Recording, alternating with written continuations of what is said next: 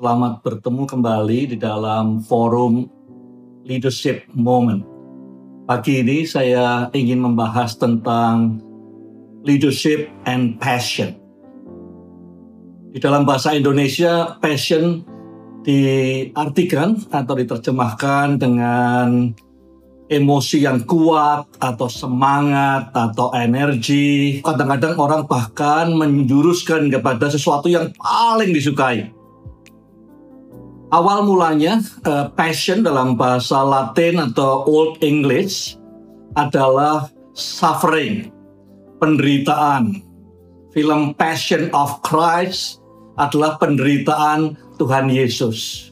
Dalam leadership, passion saya artikan juga rasa berat, beban, penderitaan karena ada hal lain yang di luar kita. Kita passionate kepada orang-orang yang miskin, artinya kita ikut menderita, rasakan sulitnya orang-orang yang miskin. Kita passionate dengan gereja-gereja yang tidak bertumbuh, artinya kita merasakan sakitnya seakan-akan kita yang mengembalakan gereja itu. Kita passionate dengan perusahaan-perusahaan yang bangkrut, artinya kita ikut merasakan pedihnya jadi karyawan di situ, jadi pimpinan di situ. Jadi passion adalah beban yang berat, suffering, penderitaan yang kita terima walaupun itu bukan menimpa kita sendiri. Banyak orang berkata people follow leaders. Orang mengikuti pemimpin. Buat saya yang benar adalah people follow the passion of the leader. Kalau pemimpin tidak punya passion, tidak ada orang ikut dia. Yang diikuti orang-orang adalah passionnya pemimpin itu. Di mana dia taruh hatinya, orang ikut ke sana. Well, karyawan saya ikut saya karena saya punya uang. Well, jika demikian, maka yang memimpin mereka bukan saudara, tetapi dompet saudara.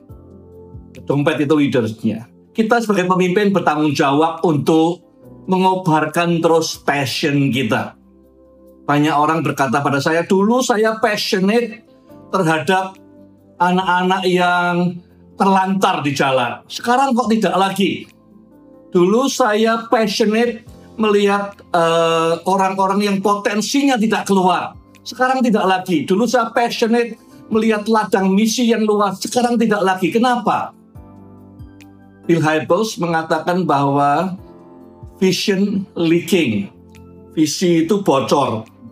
Demikian juga saya katakan passion itu leaking. Kalau kita tidak nurture, maka tidak akan habis pelan-pelan akan hilang.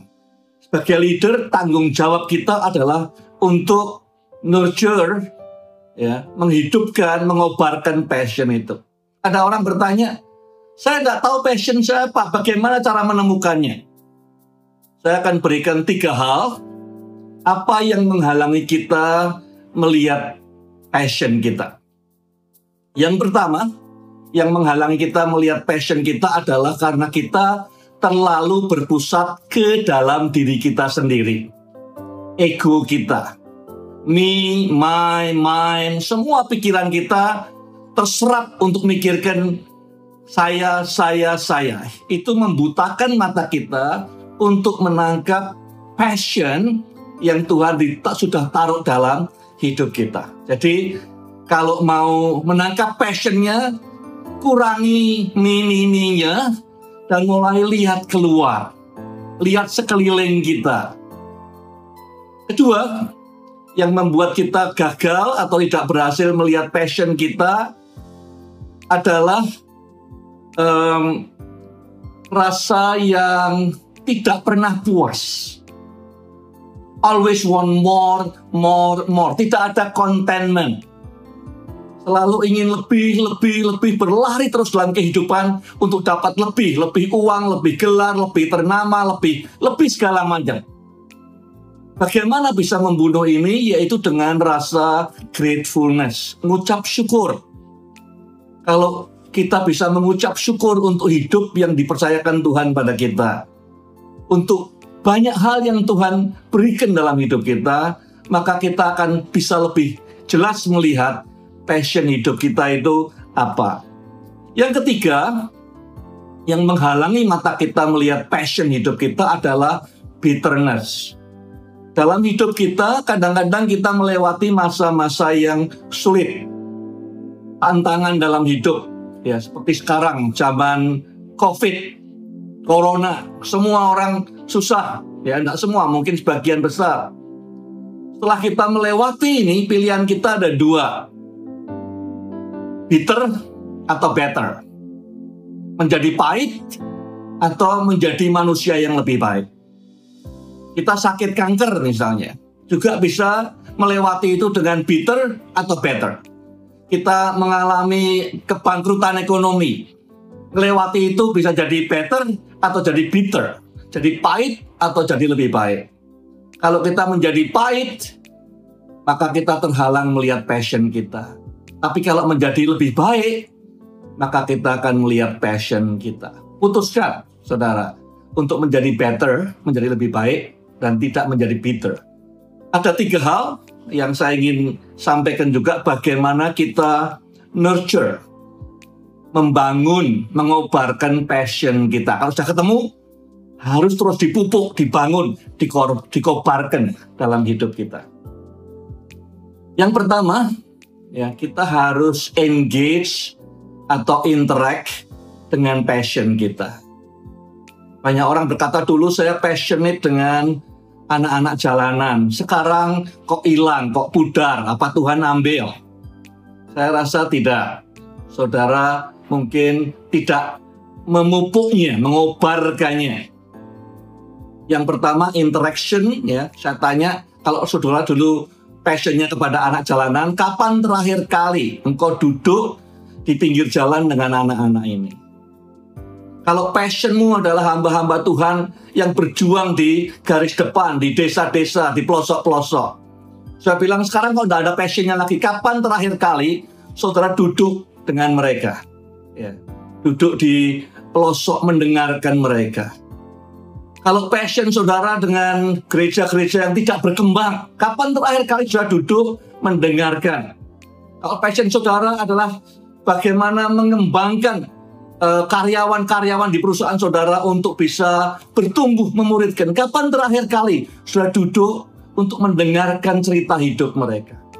Jadi yang pertama untuk menyuburkan, mengobarkan interaksi dan engagement. Nomor dua, yang penting untuk mengobarkan passion saudara adalah ekspresikan. Kalau hilang sekarang, kapan terakhir saudara berbagi soal passion ini? Kapan saudara cerita pada orang lain tentang anak jalanan, tentang orang-orang yang belum mengenal Tuhan, tentang karyawan yang belum maksimal hidupnya? Kapan terakhir kali kita share, berbagi passion kita dengan orang lain? Jadi yang nomor dua, kalau mau menghidupkan passion, ceritakan, bagikan. Saat kita membagikannya, maka api kita akan berkobar juga. Yang ketiga, expense. Berapa banyak harta kita, waktu kita, energi kita selama tiga minggu terakhir, atau enam minggu terakhir, atau enam bulan terakhir yang kita bayarkan, yang kita berikan, yang kita korbankan untuk passion kita ini. Passion bisa diukur dari satu hal saja. How much are we willing to pay the price? Berapa besar kita rela membayar harganya untuk passion ini? Kalau kita tidak mau bayar mahal, kita mau harga diskon, kita mau yang murahan, maka orang bisa membaca itu dan tidak mengikut kita lagi. Kobarkan passion yang Tuhan percayakan pada saudara. Temukan passion yang Tuhan sudah sediakan buat saudara. Terima kasih.